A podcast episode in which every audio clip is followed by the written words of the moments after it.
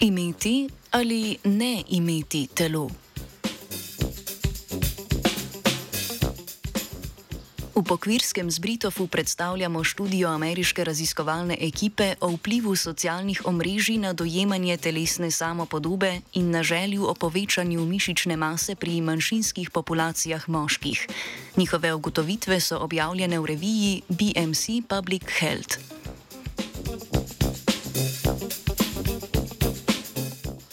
Nezdrav, obsesiven odnos do telesne teže vključuje razne vzorce prehranjevanja in ocenjevanja lastnega telesa, ki pomembno pripomorejo k razvoju psiholoških in fizioloških stanj škodljivih posameznikovi dobrobiti. Med najbolj zaskrbljujoče spadajo bulimično bruhanje, stradanje, pa tudi afektivne motnje, sorodne depresiji in zloraba odvajal ter anabolnih steroidov. Raziskovalna skupina navaja, da se v manjšinskih populacijah moških kot telesni ideal najpogosteje pojavlja mišičast ali suhljat tip. To je v skladu z naštetim, naštetimi zdravju škodljivimi vedenji za zmanjševanje telesne teže ali grajenje mišične mase.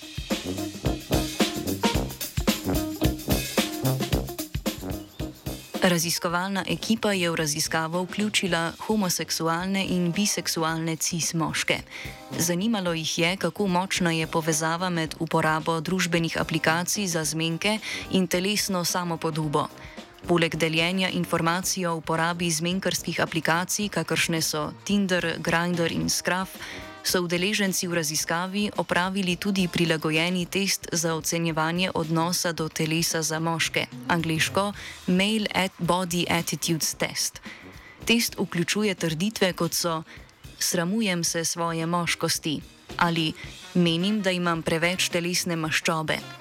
Anketiranci pa so strinjanje ali nestrinjanje s trditvami izrazili na številčni lestvici.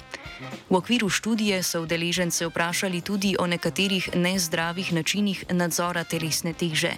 Oceniti so morali pogostost bruhanja, postenja, jemanja dietnih prehranskih dodatkov, skuševalnih zdravil, proteinskih praškov, odvajal in anabolnih steroidov.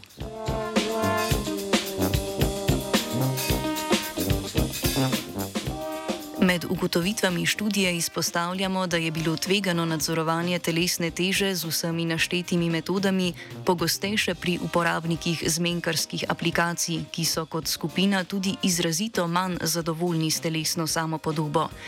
Uporabniki zmenkarskih aplikacij so se vsaj dvakrat pogosteje posluževali prehranskih dodatkov za grajenje mišične mase, proteinskih praškov, pa tudi zdravil za hujšanje in odvajal. Povezava je bila nekoliko šipkejša glede bruhanja, stradanja ter uporabe steroidov, a še vedno na strani uporabnikov aplikacij.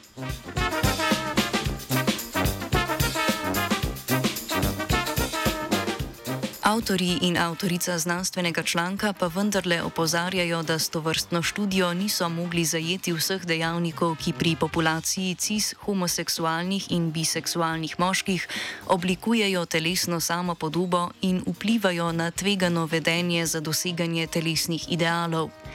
Pri tem izpostavljajo vlogo pornografije in medijskih upodobitev teles, v zadnjih letih pa tudi digitalno manipulacijo fotografij, ki je v obliki filtrov integrirana v večino družbenih omrežij.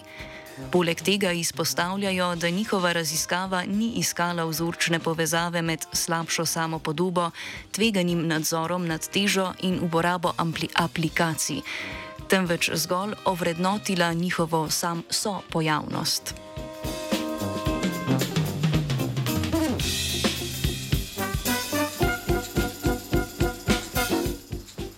Tvegane prehranske navade so bile v preteklosti že večkrat prepoznane kot nevarnejše za spolne in spolnostne manjšine v primerjavi z njihovimi nemanjšinskimi vrstnicami in vrstniki. V nadaljevanju postavljamo pregledni članek na temo prehranskih motenj med manjšinskimi skupinami v času adolescence, objavljen v reviji European Eating Disorders Review.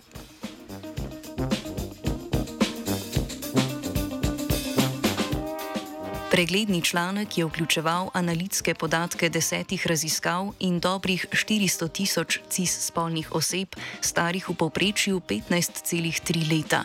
Osebe so bile razvrščene po spolu v tri skupine glede na razpoložljive podatke: na homoseksualne, biseksualne in spolno fluidne osebe.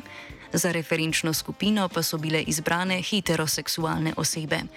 Spremljali so štiri vrste tveganega vedenja: prenajedanje, odrekanje hrane, bruhanje in uporabo zdravil za hujšanje. Transspolne in druge kvir osebe v tej študiji niso bile zajete.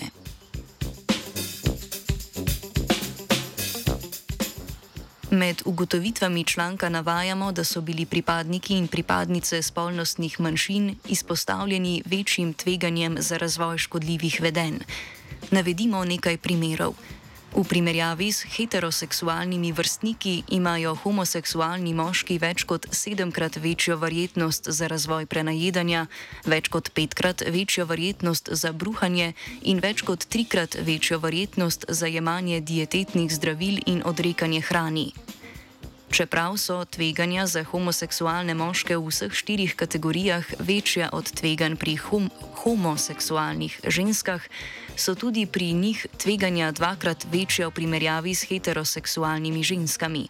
Podobni trendi so se kazali tudi v populacijah biseksualk in biseksualcev ter fluidnih skupin.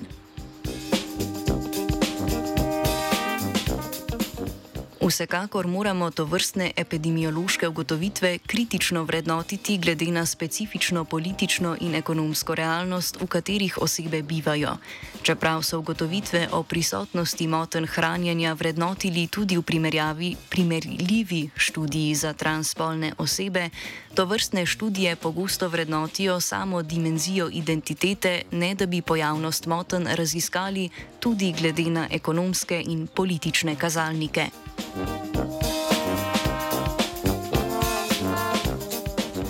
Z Britov je pripravil Luka. Three.